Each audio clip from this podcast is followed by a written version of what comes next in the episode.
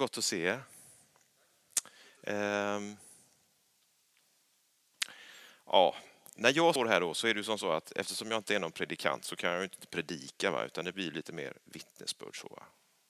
Vi tänker oss det. Men jag ska berätta lite grann om, eh, om mig. Jag ska berätta lite om, om eh, några saker som jag har gått och grundat och tänkt på en hel del. Och jag ska tala om det här som vi håller på med här. Så vi ska försöka, jag ska försöka knippa ihop det med lite grann av den jag är och, och vad som händer här. Um, förra gången, då var inte jag här, men då talade Andrew om att höra Guds röst. Ni som var här, stämmer det eller? Mm.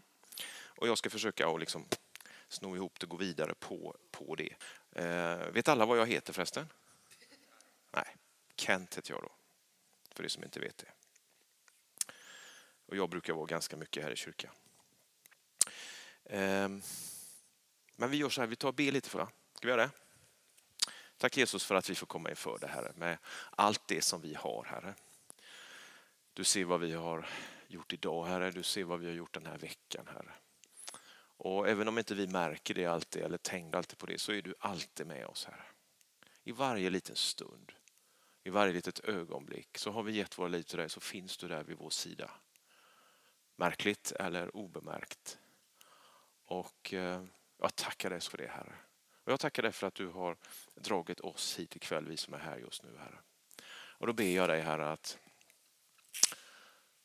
att det som jag får dela här Herre, att det får vara saker som kommer ifrån dig Herre. Och jag ber att det ska landa på rätt sätt till var och en som lyssnar här. Att det är så lite som möjligt av mig Herre, att det får ramla ner och dö bara. Och att, att det som du vill ha sagt får komma fram Herre. Det ber jag i Jesu namn. Amen. Ja, ehm, den 5 augusti för två och ett halvt år sedan ungefär då. Då satt jag här. Det såg inte riktigt ut så här då. Vi hade bänkarna på lite annorlunda sätt. Vi har packat det mycket bättre nu men det var tredje bänken mitt i här. Och eh, jag hade träffat en kille som heter Jonathan och han hade, han hade bett mig att följa med hit. Och det gjorde jag. Så det var på hans inbjudan. Och eh, jag var då vid den tiden med i en annan församling i en annan stad en bit härifrån. Och det hade varit skitjobbigt där ganska länge så jag hade faktiskt bett till Gud att jag skulle få lämna där, komma därifrån. Jag bad alltså nästan ett års tid. Men nej, det enda Gud sa det var stanna kvar, stanna kvar. Så när jag sitter här då en torsdagkväll, precis som ikväll, fast det var inte, det var inte en sån här typ av samling då, det var mer en vanlig gudstjänst med lovsång och så här vidare. Va? Och så händer bara detta plötsligt att jag hör liksom hur Gud talar precis så tydligt som ni kan höra mig nu. Rakt in i hela huvudet. Och så säger han att din tid i den här församlingen som du har varit med den är snart slut. Och det var ju här jag hade bett Gud om under lång tid. Så jag blev jätteglad. Det var liksom lättnad och en frid som kom in i mig. Och, och, och det kändes bara sådär fantastiskt gott. Och jag kände och förstod också att jaha, är det här du vill att jag ska vara? Och så började jag titta mig runt. Och, och jag gick igenom en väldigt svår tid då därför att alldeles i den vevan så hade min, min fru, dåvarande fru, hon hade, hon hade valt att lämna mig. Så jag var ensam och det var tungt. Så det här, det här liksom tajmade på ett väldigt fint sätt egentligen kan man väl säga. Den här Guds omsorg, hur han är med hela tiden i varje stund. Men det är ju så här som Andrew också pratade om förra veckan att när man hör någonting ifrån Gud eller som jag uppfattar kommer ifrån Gud så gäller det att jag lyssnar och jag måste pröva det. Det stämmer va? Det var så han pratade om förra gången. Mm. Och det var det jag gjorde. För jag vet att man måste göra det. Så jag tog ett par veckor där jag grundade det här. Jag gick på fler möten här. Och så sen efter några veckor så tänkte jag nu ska jag åka tillbaka till den där församlingen som jag har varit med i. Och jag hade varit med där, då hade jag varit med där lika länge som jag, som jag varit med här nu, två och ett halvt år ungefär. Så ni förstår, alltså jag känner ganska många här så jag känner ännu fler där för det var en mycket större församling. Och jag åker dit och eh, jag kommer in där så hälsar jag på massa människor. Så, va? Men jag kände mig inte, det var en konstig känsla av att inte vara hemma där. Och jag gick och satte mig och så var det precis som att jag var som ett ufo. Om man nu kan känna sig som ett ufo. Men ni förstår, liksom bara, det var totalt fel. Och jag, jag satt där i gudstjänsten och, och jag förstod att nej, här ska jag nog eh, faktiskt det är nog så att det här är färdigt. Det som jag har hört Gud säga till mig som jag uppfattat, det här stämmer. Så när jag är på väg ut så träffar jag på en av pastorerna. Eh, jättebra, trevlig man. Han, han, eh, och då säger jag så här till honom, du, säger jag, jag är på väg ut nu. Jag kommer inte med nu, så. Och han tittar liksom till och sa, ja, vi måste ju höras, vi måste ju prata. Ja, ja, du har mitt nummer, så. Och sen gick jag. Och sen har inte jag varit där mer. Och det här var mitt sätt, jag säger inte att det är rätt, men det var mitt sätt. I alla fall, jag landade in här och jag förstod att det var här Gud ville att jag skulle vara. Och här har jag varit. Och ni som känner mig lite grann vet att jag hänger här ganska mycket, eller hur? Det är så.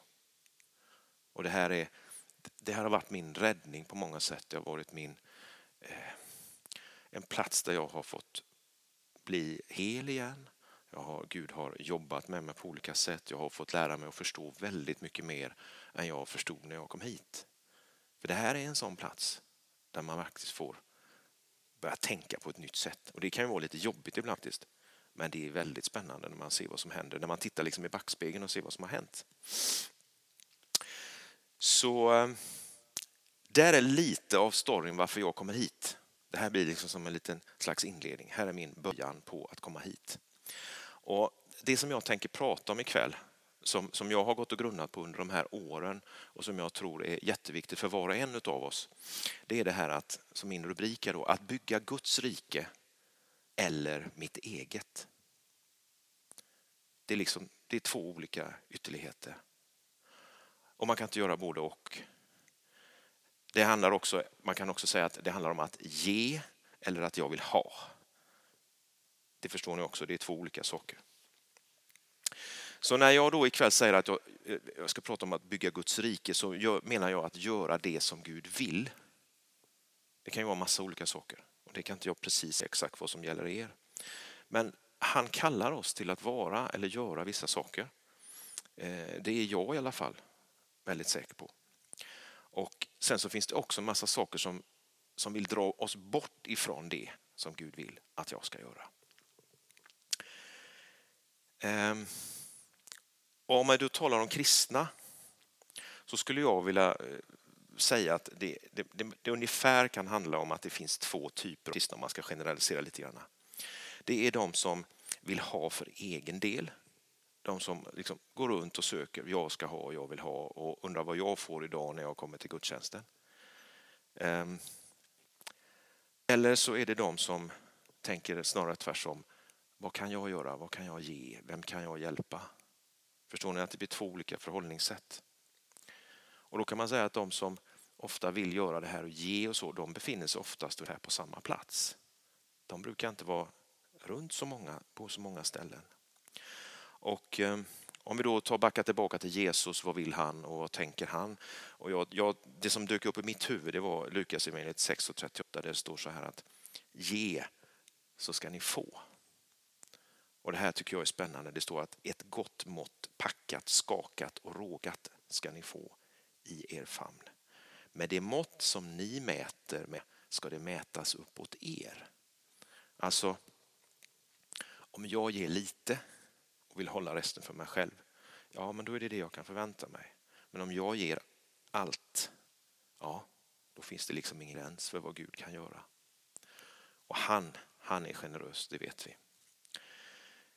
Ehm, så utgångspunkten är alltså i Jesu ord här, det är att ge. Så om vi liksom kommer in på det då, att vi ska ge.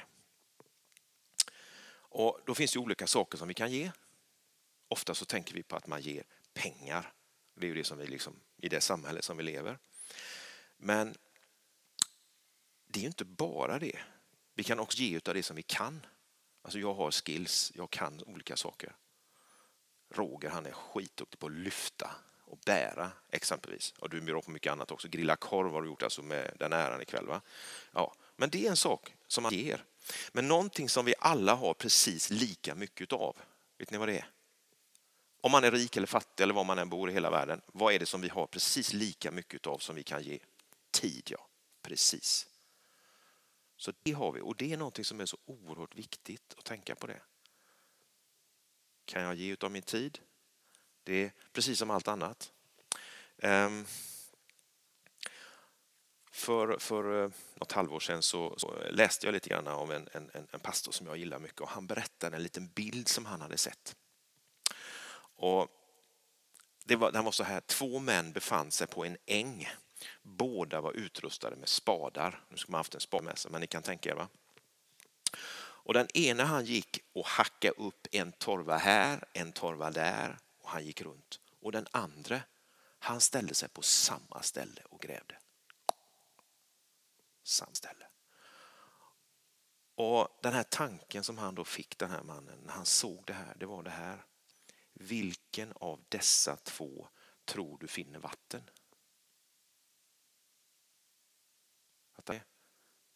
Alltså det är ju störst chans för han som stod på samma ställe. Va? Han kom ju djupare. Och då är det den här frågan som vi måste ställa till Gud är, vad vill du att jag ska gräva någonstans? Vad vill du Gud att jag ska vara och arbeta? Vad vill du Gud att jag ska tjäna med de gåvor som jag har? Det är en fråga som jag har fått ställa till mig. Om och om igen, inte en gång, många gånger. Jag lovar er, även under den tiden jag har varit här. Så jag har fått ompröva det här. Men om vi nu ska ställa den här frågan till Gud så finns det ju den här viktiga saken som Andrew pratade om förra veckan också, det här med att lyssna. Och det finns en sån där litet bibel, en sån där liten bibelberättelse som jag tycker är så fin, som jag ska, jag ska, eh, ska läsa för er. Och det är från Gamla Testamentet, från Första Samuelsboken 3, 1-10. Det handlar om att lyssna just. Och den här lille killen då, eh, han Samuel, han hade aldrig hört Guds röst någon gång.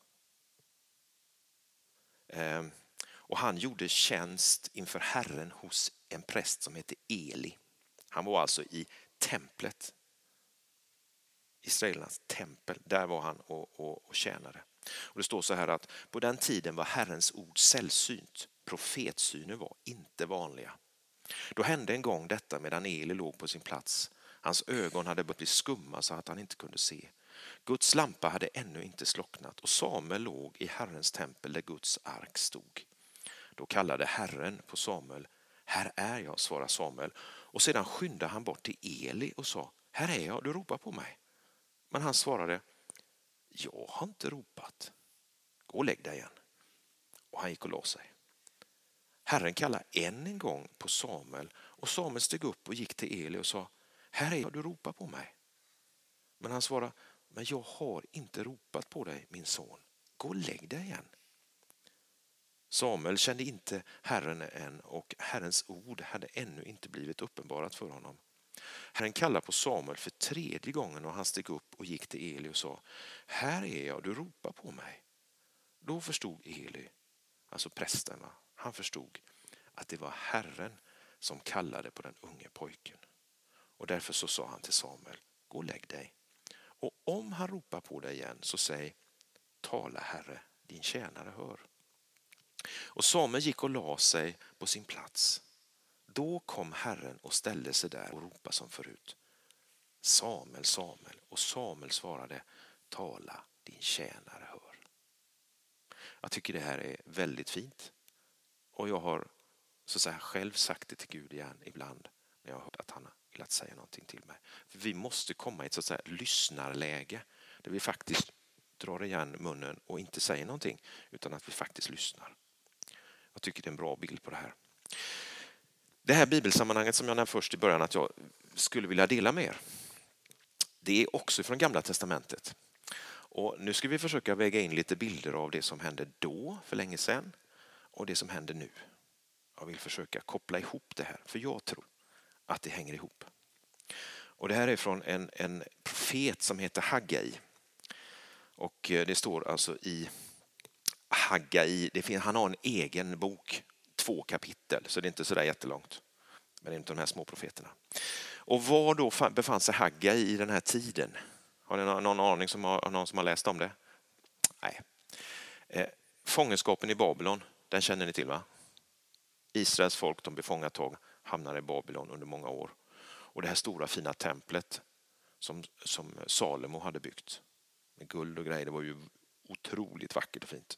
Det rev de ju ner helt och hållet. Och så är Israels folk då, de är i, i eh, Babylon och eh, efter 80 år så blir de fria och de får komma tillbaka till Jerusalem. Och de börjar bygga på det här templet då. Nu hade de rivit, det var nerrivet, nu skulle de börja bygga upp det igen och de bygger grunden till templet och de bygger altaret. Men så kommer då de här samarierna, det var ju ett grannfolk, och störde dem så att säga i bygget och då tappar de lusten och, så, och så, sen så står bygget still i många år. Jag tror att det var någonstans runt 17-18 år. Ehm, kom ihåg här då i den här fortsättningen att det här templet är platsen för relationen mellan Gud och människor på den tiden. Det var dit man gick för att offra och be om förlåtelse och det var där Gud talade till folket oftast. Ehm, så står det så här i Haggai 1 och 1. I kung Darajeves andra regeringsår i sjätte månaden på första dagen i månaden kom Herrens ord genom profeten Haggai till Serebabel, Sealtils son, ståthållare Juda och till översteprästen Josua, Josadaks son. Han sa, så säger Herren Sebaot, detta folk säger, tiden har inte kommit, tiden att återbygga upp Herrens hus. Alltså, de hade ju väntat här nu 17-18 år och höll på med annat. Och eh, Gud han vill ju ha relation med folket. Men då när de blir liksom påminna om det här så, så, så, säger folket att tiden har inte kommit, tiden att återbygga Herrens hus. Och då säger då Gud, han säger så här, detta folk säger. Om vi tänker att vi läser i Gamla Testamentet så är det, när Gud talar till sitt folk så talar han om mitt folk. Men då här säger han, detta folk säger. Liksom, för mig så får jag en känsla av att han är lite småsur. Va? Eh, jag får ju den här bilden av, som, som jag har ju barn, några stycken. Och vid något tillfälle så kom jag hem och så hade en av mina söner varit riktigt, riktigt busig. Riktigt besvärlig. Och så säger hans mamma så här, titta nu vad din pojk har gjort, sa hon. Det var precis som att hon inte ville kännas vid han. Förstår ni bilden? Lite så tror jag att Gud kände. Ehm, och folk sysslar med sånt som Gud inte gillar. Så han, eh, han vill inte riktigt kännas vid dem.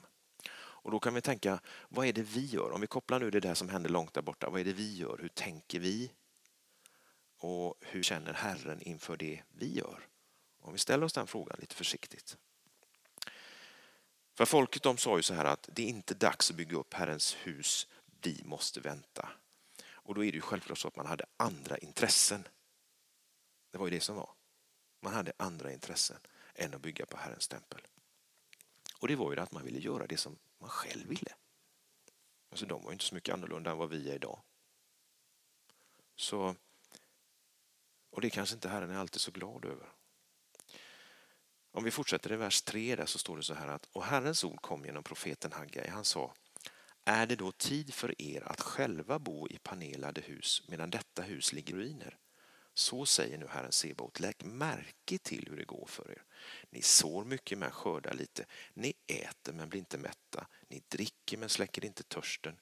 Ni klär er men blir inte varma. Den som får inkomst har hål i börsen. Så säger Herren Sebaot, lägg märke till hur det går för er. Ja, hur går det för oss då? Och han säger lägg märke till hur det går för er. Det säger han ett par gånger. Så det var nog viktigt. Och ehm, och jag tänkte sen när jag läste det här att okej, okay, om Haggai nu hade kommit in genom dörren där den gamle profeten och ställt sig här och han skulle tala till nu talar han ju till Israels folk där i Bibeln, men om man säger att man pratar till, till, till, Sveriges folk, inte bara till oss som är här då, utan alla och alla kristna. Det kanske skulle låta eh, ungefär så här då. Ni arbetar häcken av er men känner att ni inte har tillräckligt. Ni lägger ner all er kraft på en karriär eller ett arbete men känner er bara tomma och ihåliga.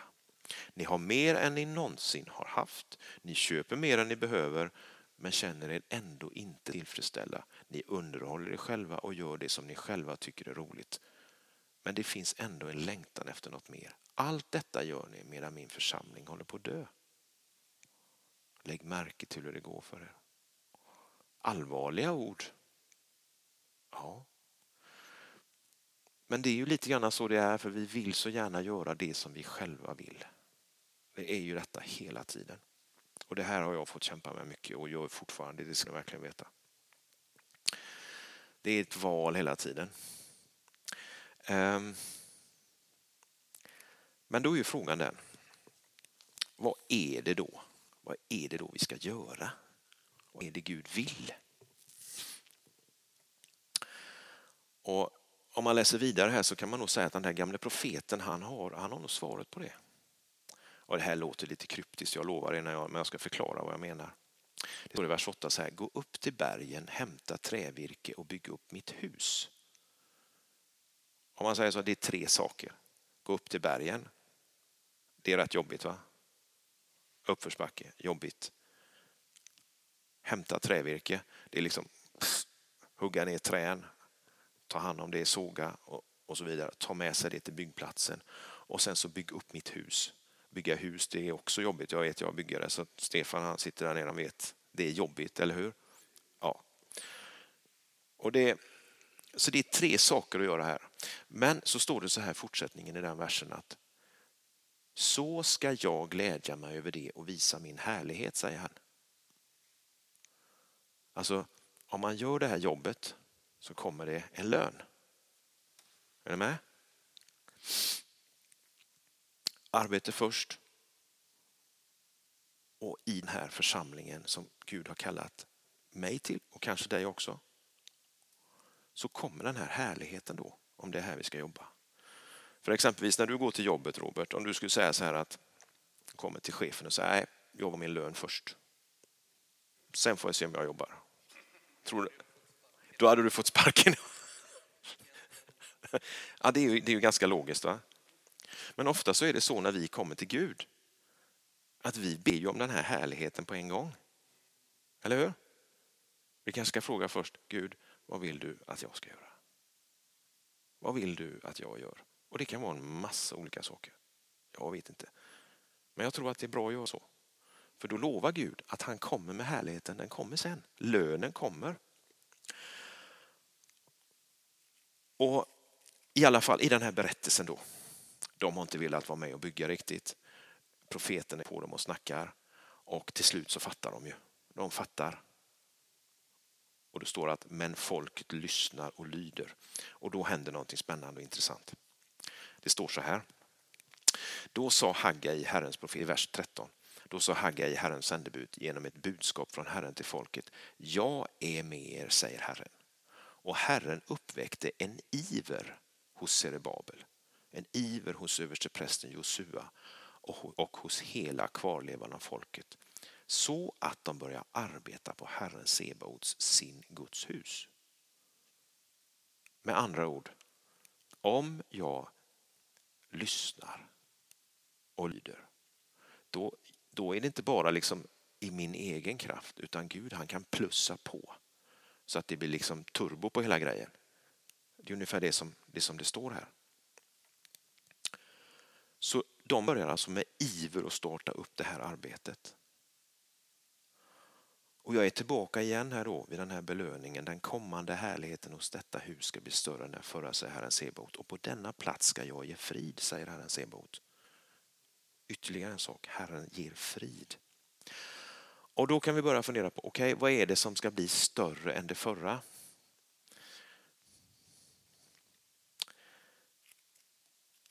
Om man tittar på det här så vet vi att Gud han hade en speciell tanke med det här templet. Men det var någonting som Gud hade i görningen som han visste då men inte folket visste. Eh, och någonting som var ganska knepigt och helt obegripligt ur deras perspektiv. För om man tittar på det som sker i det gamla testamentet så är det oftast man kan se det fysiskt. Och sen så kan vi då titta i det nya förbundet, alltså nya testamentet. Då sker det liksom på ett andligt sätt där. Det finns en parallell här mellan det, det fysiska och det andliga. Och eh, man kan väl säga så här att precis som jag faktiskt tror att det vi gör här praktiskt fysiskt i det här huset som exempelvis Roger, han står och målar. Stefan håller på och snickrat och gjort jättefint här nere. Va? Och Emil har hjälpt till och det är andra här också. Liksom. Vi bygger fysiskt på det här. Och så ser vi också att det sker någonting i andet, andligt här.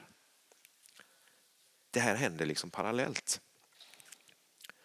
Och då var det ju så här att vad stod det här templet för egentligen? Vad var det för en plats? Jo, det var ju en plats dit folket gick för att offra och få förlåtelse på den tiden. Men det som Gud gör då i Nya Testamentet det är ju liksom någonting som är ganska annorlunda. För han säger så här då att ni är templet som jag bor i. Det står i första Korinthierbrevet 6 och 19. Så då istället för att människan kommer till Gud och ger ett offer, som det var i gamla förbundet, så vänder Gud på hela grejen. Och så kommer Gud till människan och offrar sig genom Jesus Kristus. Och vad händer då? Jo, vi får den heliga ande sedan som bor i oss och Guds härlighet den kommer in i oss. Den finns i oss. Och då tänker jag så här att då kan vi alltså göra det här arbetet. Det är inte bara det att han är med oss utan därför att han faktiskt är i oss också. Han finns där. För det står så här i första Johannes 4 och 4 att större är han som är i dig än den som är i världen.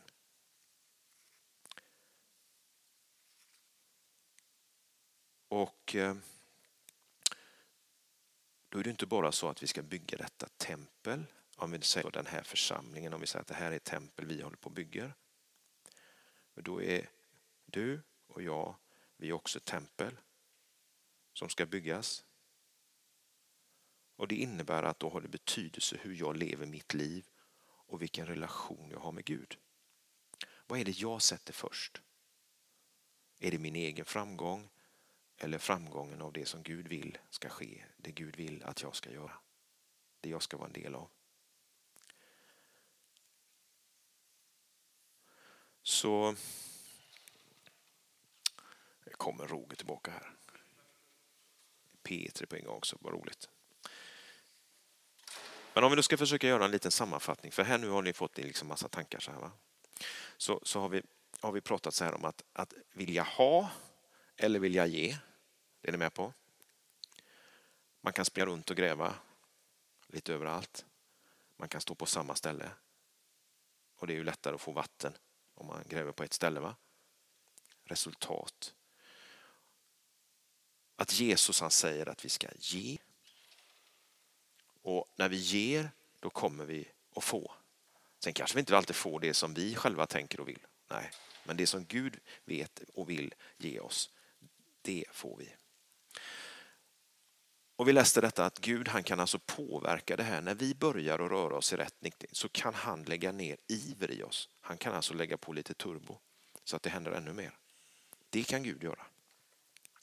Och så pratar jag om det här med arbete, arbete och arbete. Och att det sedan kommer lön. Precis som när Robert går till jobbet så får han lön sedan efter ett tag.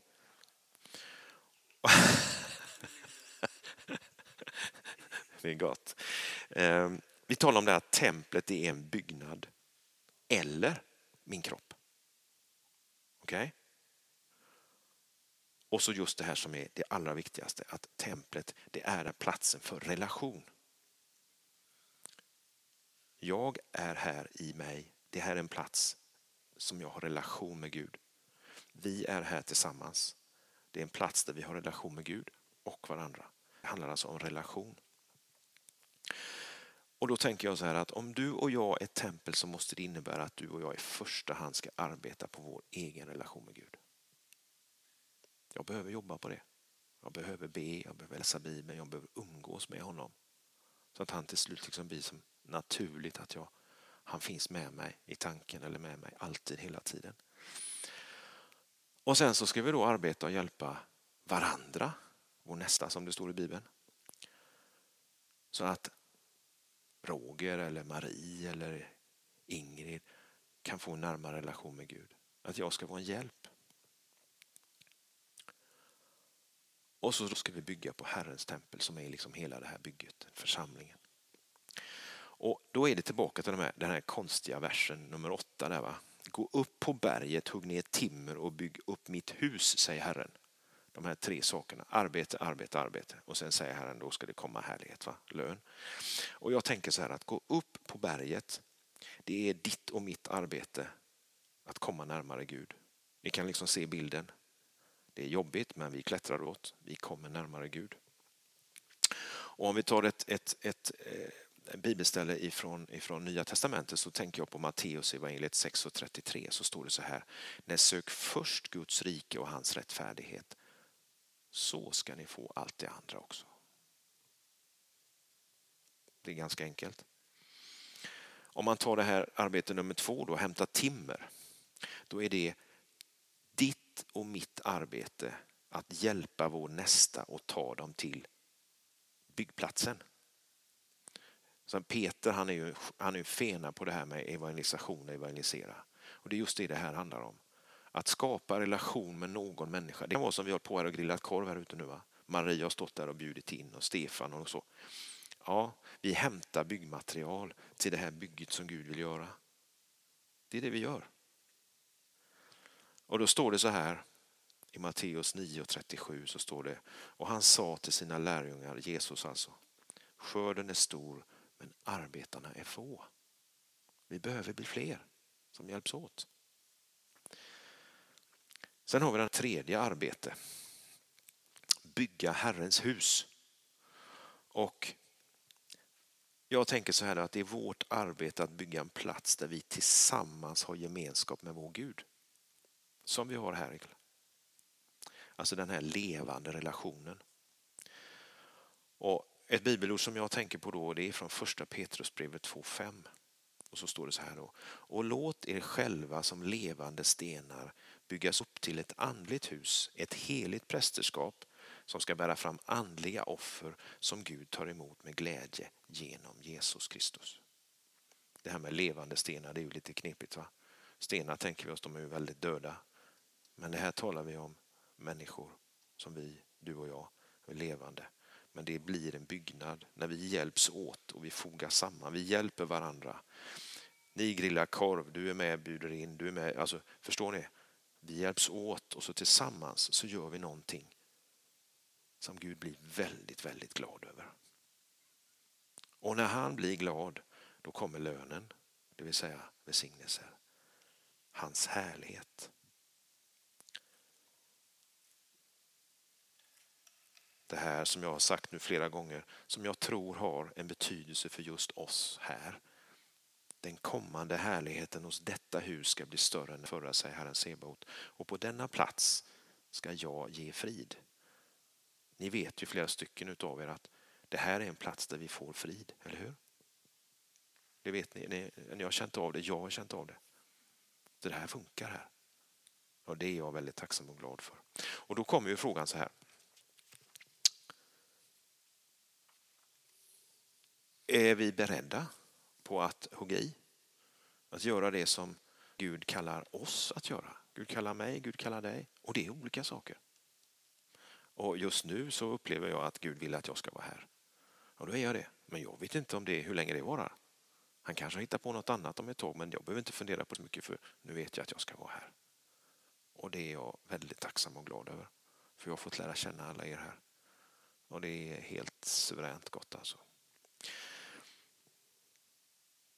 Det var lite det jag ville dela med er ikväll. Hoppas ni har fått någon liten tanke, någonting som ni kan bära med er som har eh, betydelse fortsättningsvis framöver.